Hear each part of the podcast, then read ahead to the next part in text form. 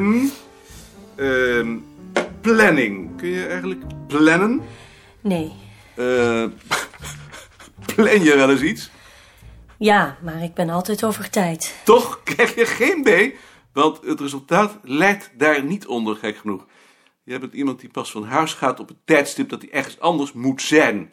Is dat zo? Dat zeggen ze wel eens. Ik ben altijd veel te vroeg. Ik altijd gedacht dat dat is omdat ik te vroeg geboren ben. Misschien ben jij te laat geboren. Dat, dat weet ik niet. Laten we maar een 7 maken. Ehm, vraag ehm 10, laatste vraag. Communiceren, spreken, schrijven, correspondentie. Ehm, je zegt niet veel en je schrijft langzaam, maar als je wat zegt of schrijft, dan is het heel precies. Ook maar een C? Als je dat vindt.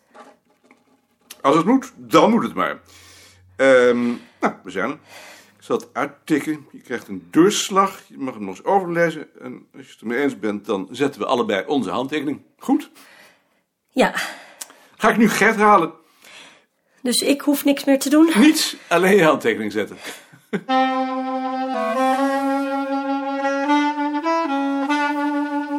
De heer Wiggelaar. Present. Moet ik mijn broek uittrekken? Overhemd is voldoende. Borststok aanhouden. Heb je papieren bij je? Oh, nee. Nee, natuurlijk. Je hebt ze bekeken? Al uitvoerig. En? Allemaal uitgesproken goed, natuurlijk. Dat begrijp ik. Maar Ace geef ik alleen bij hoge uitzondering. Oh. Eh, ik zou zeggen hoe ik te werk ben gegaan. Ik heb eerst mijn eigen beoordeling gemaakt. Om een eikpunt te hebben waar jullie je dan weer aan kunt meten. Want anders eh, zwem je maar wat in de ruimte. En daar mogen wij zeker niet boven. Daar mag je wel boven, maar dan moet je wel van goede huizen zijn. En dat ben ik niet. Weet ik niet, daar moeten we nog over hebben. Kennis. Eh, voor kennis geef ik mezelf een D. Wat geven we jou? Maar dan ook maar een D. Ik denk wel dat het een D wordt, maar ik vind het nog geen D. Ik vind je kennis nog wat te onevenwichtig. Op je eigen vakgebied weet je veel, dat is zeker een D. Maar je historische kennis vind ik niet meer dan een kleine C. Ik stel voor om er een C-D van te maken. Goed? Nee, niet goed natuurlijk. Maar Ik kan er weinig tegen inbrengen. En dan de hoeveelheid. Daarvoor geef ik mezelf een E. En jij? Een D dan maar. Dat vind ik ook. Kwaliteit. Ik geef mezelf daar een D voor. Uitgesproken goed. Vind ik wel erg goed. Wat, wat vind je? Ik zou mezelf daar toch wel een E voor willen geven. Maar ik begrijp wel dat ik nu niet veel kans meer maak. Bij mij krijg je ook een D. Ik vind je werk van dezelfde kwaliteit als het werk dat ik afleverde toen ik net zo oud was als jij. En ik denk dat het ook wel op dat niveau zal blijven. Dat verandert niet. Tenzij je voort, voortijdig dementeert natuurlijk, maar daar zullen we geen rekening mee houden. Is dat goed? Ja, ik moet wel. Nee, je moet niet. Je kunt een protest aantekenen. Maar als jij jezelf een D geeft. Ehm, dan zit je klem. Dat is ook de bedoeling natuurlijk. hè? En als Balk jou nou straks een E geeft. Dan teken ik protest aan. Maar balkennende zal het zeker geen E worden in mijn geval. Ehm, betrouwbaarheid. Voor mij is dat een C. Ja? Ik ben tot op zekere hoogte een charlatan. En eerlijk gezegd vind ik jou dat ook. We laten ons allebei meeslepen in het vuur van ons betoog. En we zijn geen van beiden te beroerd om de feiten naar onze hand te zetten. Als ons dat beter uitkomt. Of zie ik dat verkeerd? Ja. Dat vind ik toch wel. In mijn geval tenminste. Vind je jezelf echt betrouwbaar? Ja, dat dacht ik toch wel. Ik bedoel in wat je schrijft. Ja, dat bedoel ik. Ik kan er toch echt geen D van maken. Ik vind je niet onbetrouwbaar. Ik vind het voldoende. Dat is een C. En eh, C-D. Een dikke C? of een kleine D. Goed. Een C-D kan met pen, maar het kan. En, en dan inzicht. Ik geef je daarvoor een D. Geen E? Nee, dat is echt te gek. Dat krijgt niemand. Ik ken zelfs niemand in ons hele vakgebied die ik een E zou geven. Behalve Vreeburg misschien. Een D dan maar. Een D. Eh, initiatief. Ook een D? Wat geef jij jezelf daar nou voor? Eh, een, een, een D. Ik, ik neem wel initiatieven, maar pas als ik daartoe door de omstandigheden gedwongen word. En dat vind ik van jou ook. Echte ontdekkingsreizigers zijn we geen van twee. Optreden. Dat, dat interesseert me wel, wat je daar zelf van vindt. Dat vind ik heel goed natuurlijk. Vind je dat echt goed? Ja? Weet jij niet? Naar buiten toe wel, maar binnen de afdeling? Vind je, vind je dat niet goed? Ik vind je dat zelfzuchtig. Je bent altijd bang dat je minder krijgt dan een ander. Als iemand anders wat krijgt, wil jij het ook hebben. Bovendien gun je een ander niets, of heel weinig. Een voorbeeld is je optreden tegenover Carla. Jij zou haar begeleiden, maar dat ging alleen goed zolang ze voor jou werkte. Zodra je haar moest helpen met ideeën, met gegevens, haakte je af. Ik vind dat niet meer dan een B. Maar omdat je naar buiten toe correct optreedt, zou ik er een C van maken. Maar wel met deze aantekening. En als ik het daar nou niet mee eens ben? Eh, dan kun je protesteren natuurlijk.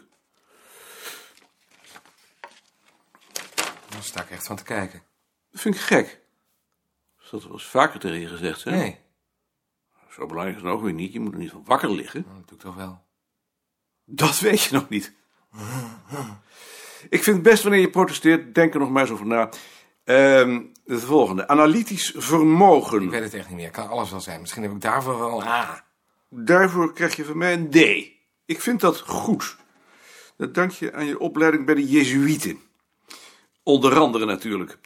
Ehm, planning. Ik weet het niet. Een D. Je planning is goed. Beetje omslachtig misschien, maar vind ik geen punt. Doe ik trouwens zelf ook. We lijken op elkaar. Op dat punt tenminste. Eh, en als laatste. Communiceren. Zeg het maar. Schrijven, spreken. Geen idee. Je schrijft goed, soms zelfs heel goed. Ik heb je één keer in het openbaar horen spreken, ook goed. Alleen in de afdelingsvergadering is het veel minder. Denk omdat je bang bent onderuit gehaald te worden. Dat is jammer, maar ik begrijp het wel. In ieder geval geeft het schrijven voor mij de doorslag. Een D dus. Tevreden? Nou, eigenlijk niet natuurlijk. Dat heb ik begrepen. Eh, Het is nu vijf over vijf. Ik tik dit even uit. Je krijgt de doorslag. Die bekijk je dan nog maar eens. En als je het niet mee eens bent, dan protesteer je. Geen punt. Mag ik het ook eerst aan Klaasje laten lezen? Tuurlijk. Als je nog even wacht, krijg je het mee. Ja. Oh, oh, Den Haag, mooie stad achter de Danny. De schilderswerk, de lange poten en het plan.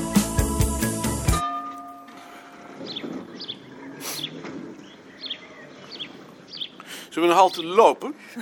En dan de volgende ook missen zeker. Die missen we niet. Natuurlijk missen we die. Omdat ik die buurt achter het viaduct zo interessant Ja, dat vind. doe je dan maar een andere keer als we niet naar moeder hoeven. Een gesprek bijna letterlijk gelijk aan dat van de vorige keer. Terwijl ze rond het plein naar de halte liepen, bedacht hij dat het prachtig geweest zou zijn als ze dit keer net even anders had gereageerd. Ook al hadden ze daardoor misschien de volgende tram gemist. Maar ze had geen gevoel voor deze situaties. Het ergerde haar. Hij vroeg zich af waarom hij het dan toch weer had voorgesteld. En kwam door de verandering tot de conclusie dat het niet was om te plagen, dan leek het er veel op. Het was eerder de behoefte aan kleine veranderingen in een patroon dat bezig was te ontstaan. Ontsnappen aan een al te strak ritme, maar zonder de zekerheid van de uitkomst prijs te geven. Als jij nog één keer zoiets zegt, dan ga ik de volgende keer alleen. Zie je nou wel? Als we naar de volgende halte waren gelopen, dan hadden we hem gemist.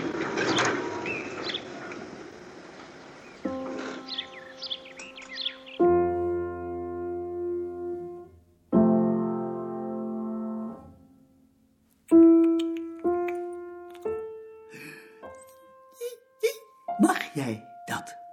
Hm? Pas op hoor, want dan zal ik je wat. Wat is dat? Moeder denkt dat mijn schoen een hondje is. Is het dan geen hondje? Het is mijn schoen. Oh, kind. Je zal toch zo'n gekke oude moeder hebben?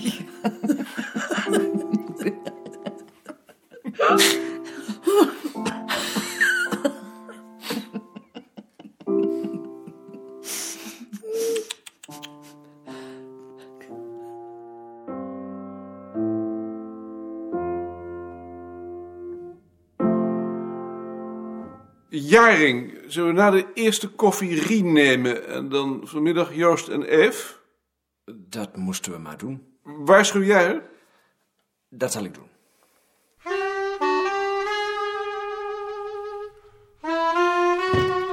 Dag Maarten.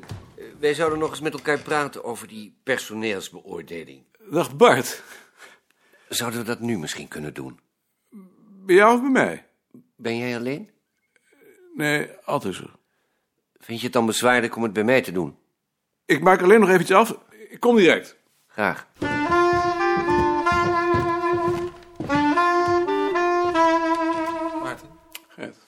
Klaasje vond je beoordeling heel goed. Zo ben je, zei ze. Dat is geen geringe steun. Nee, dat dacht ik ook. Daarom vertel ik het je maar meteen. En wat doe je nou? Eh, Teken je nog protest aan? Ik zal het ondertekenen, maar ik ben het natuurlijk niet mee eens. Nee, dat, dat begrijp ik. Nou, hier tekenen.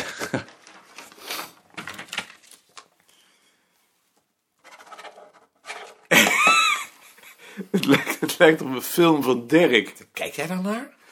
Daar kijk ik tegenwoordig naar. Is dat niet verschrikkelijk rechts?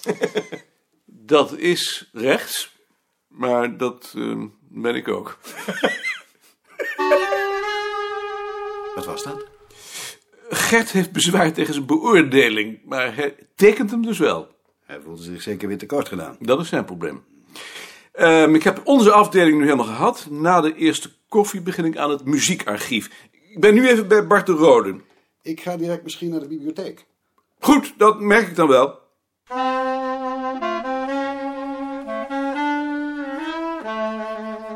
Daar ben ik. Ga even zitten.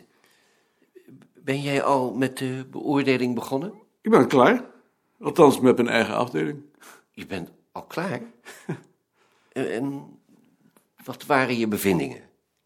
Het ging toch vrij gemakkelijk. Oh, dat verbaast me. Want ik heb er nogal wat problemen mee om je de waarheid te zeggen. Wat waren dat dan voor problemen? Ik zal je eerst vertellen hoe ik te werk ben gegaan, eh, als je roken wilt. Hij is nog te vroeg. Ik heb ze gevraagd om hun eigen beoordeling te maken en die dan aan mij voor te leggen. De meeste van die lijstjes die heb ik nu binnen. Maar ik moet je zeggen dat ik. Dat het toch wel onthutsend is. Ik, ik weet er niet goed raad mee. Wat mankeert er dan aan? Allemaal E's en D's. Ik geloof dat er één C bij is en helemaal geen B. Laat staan een A.